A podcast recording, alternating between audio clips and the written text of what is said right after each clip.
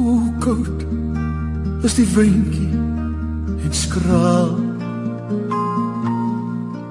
En blank in die doflig en kaal. So wyd as die Heer se genade. Lê die velde in sterlig en skade Op 23 Junie 1905 verskyn die bekende gedig Winternag van Eugène Marais onder 'n skuilnaam in die destydse Land en Volk Koerant. Marais het nie toegeweet nie, maar die gedig sou jare later beskou word as 'n baken in die geskiedenis van Afrikaans. Soos winkende, winkende hande.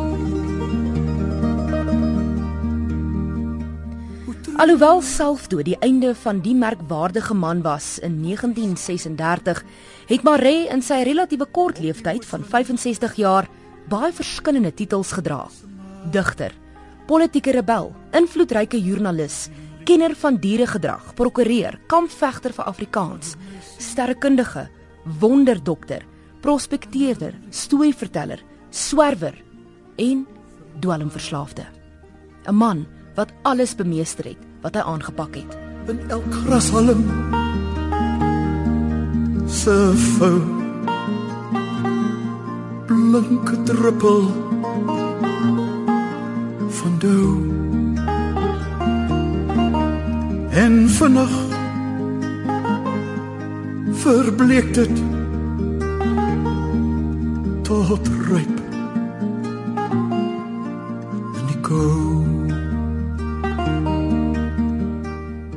Marais was die jongste van 13 kinders en het die grootste deel van sy skoolopleiding in Engels ontvang.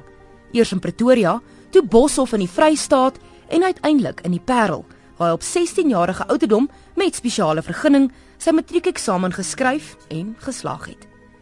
Hy trou in 1894 met Letty Beyers wat 8 dae na hulle eersteling sterf aan kraamkoors. Die verlies sal hom die res van sy lewe bybly. Marie het ook later 'n gewoonte gehad om op jong meisies verlief te raak wat Letty se ouderdom was toe sy gesterf het.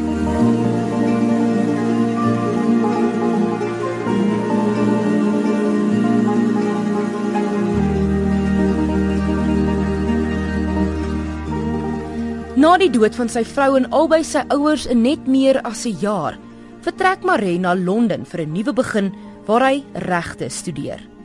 Hier het hy met allerlei nuwe denkrigtinge kennis gemaak, soos hipnotisme wat hy later suksesvol in Suid-Afrika toepas. Hier het hy ook die middel opium ontdek en begin gebruik. Dit sou net die begin wees van 'n lewenslange dwelmprobleem wat hom die mense naaste aan hom gekos het.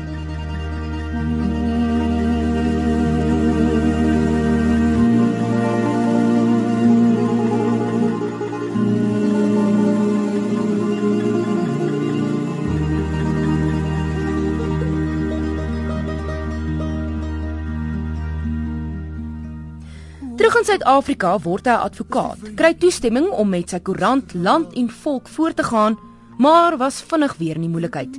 Na 3 jaar verkoop hy die koerant en verlaat sy praktyk. Marie het altyd geswerf en was grootliks afhanklik van die genade van ander om hom. Na hordes verskillende praktyke, 'n gesonde en suksesvolle vriendskap met AG Visser wat gelei het tot beide se eerste digbundels, 'n paar keer in die Waterberge, 'n Belg wat sy navorsing gesteel het, terug na Pretoria en toe uiteindelik by Pelindaba net buite Pretoria, 'n plaas van sy goeie vriend Gustaf Preller, sou Marie se lewe hier tot 'n einde kom.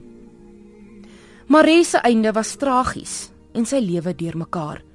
Maar ten spyte van 'n gebrek aan fondse en geen ondersteuningsbasis nie, het Eugène Marais nie net die letterkunde wêreld beïndruk nie, maar het hy wetenskaplike navorsingsresultate gelewer wat eie tydse natuurkenners steeds verstom. Hoe treurig die wysie op die ooswind se maat soos die lied van 'n meisie en haar liefde